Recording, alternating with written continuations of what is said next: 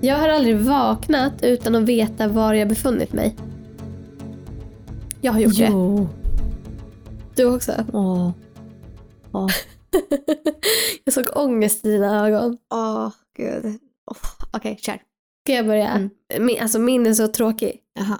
Okej. Det var, jag hade varit på språkresa i USA Mm. när jag var typ 15-16. Det låter ju roligt. Ja, det, det var kul. Mm. Det, det var jättekul.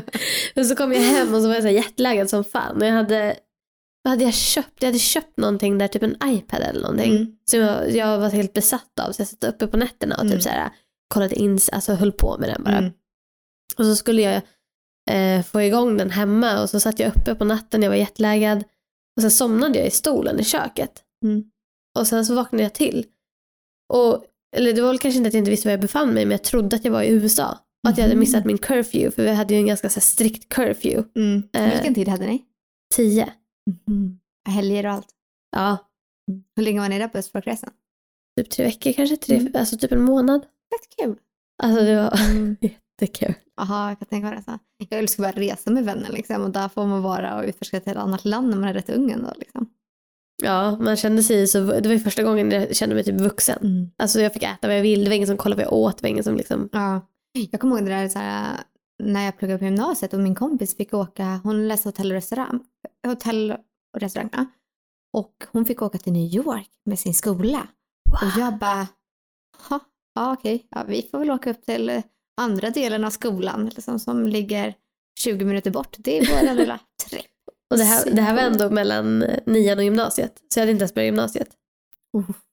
Oj, ja, då var ändå rätt ung liksom. Ja. Mm. Eh, men då vaknade jag och, och, eller jag trodde jag var någonstans där jag, inte- var, för jag var hemma.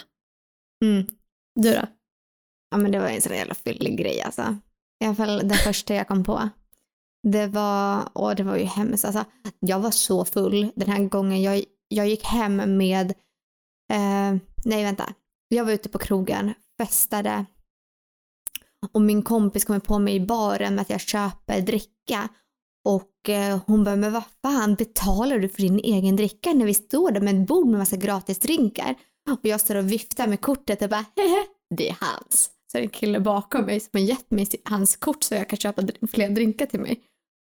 Eh, Jag har ingen aning om det här så det får jag återberättat. Sen så två helt andra killar går jag och håller armkrokar med för att gå på en efterfest. Ena den här killen ska vi hem till. Den andra killen en helt random kille som inte känner de här killarna vi ska på efterfest hos. Men han har också dragit med sig för att han har också raggat på mig den kvällen. Och där går jag och håller armkrokar med de här två killarna. Vi kommer på den här efterfesten, jag är så full så jag typ går på toaletten och spyr det första jag gör liksom. Jag, bara, jag är nog full, min kompis bara stoppa fingrarna i halsen, kom igen, kom igen! Men, men vänta, var- varför? För att du skulle bli nyktrare? För att du skulle fortsätta ha kul? Ja. Ja. Eh, så jag stoppade fingrarna i halsen men jag, jag blev bara så jävla trött då så jag gick och la mig i soffan på den här, i ett annat rum där de andra var och festa.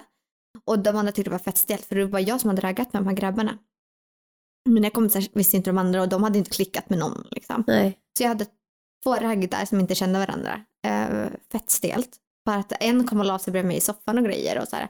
Eh, men sen så drog vi därifrån. Jag hade glömt någonting där uppe.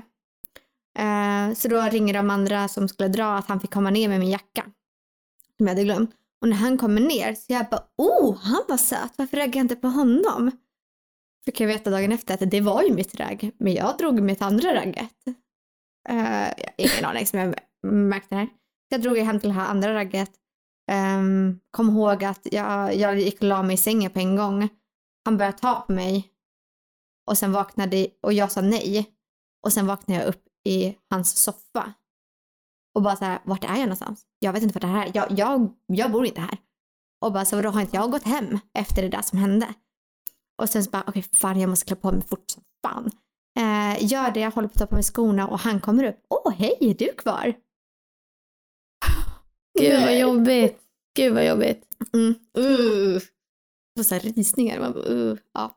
Där visste inte jag vart jag var, var någonstans. Det är alltid jävligt skönt att komma hem. Mm. Ja, gud ja. Oh.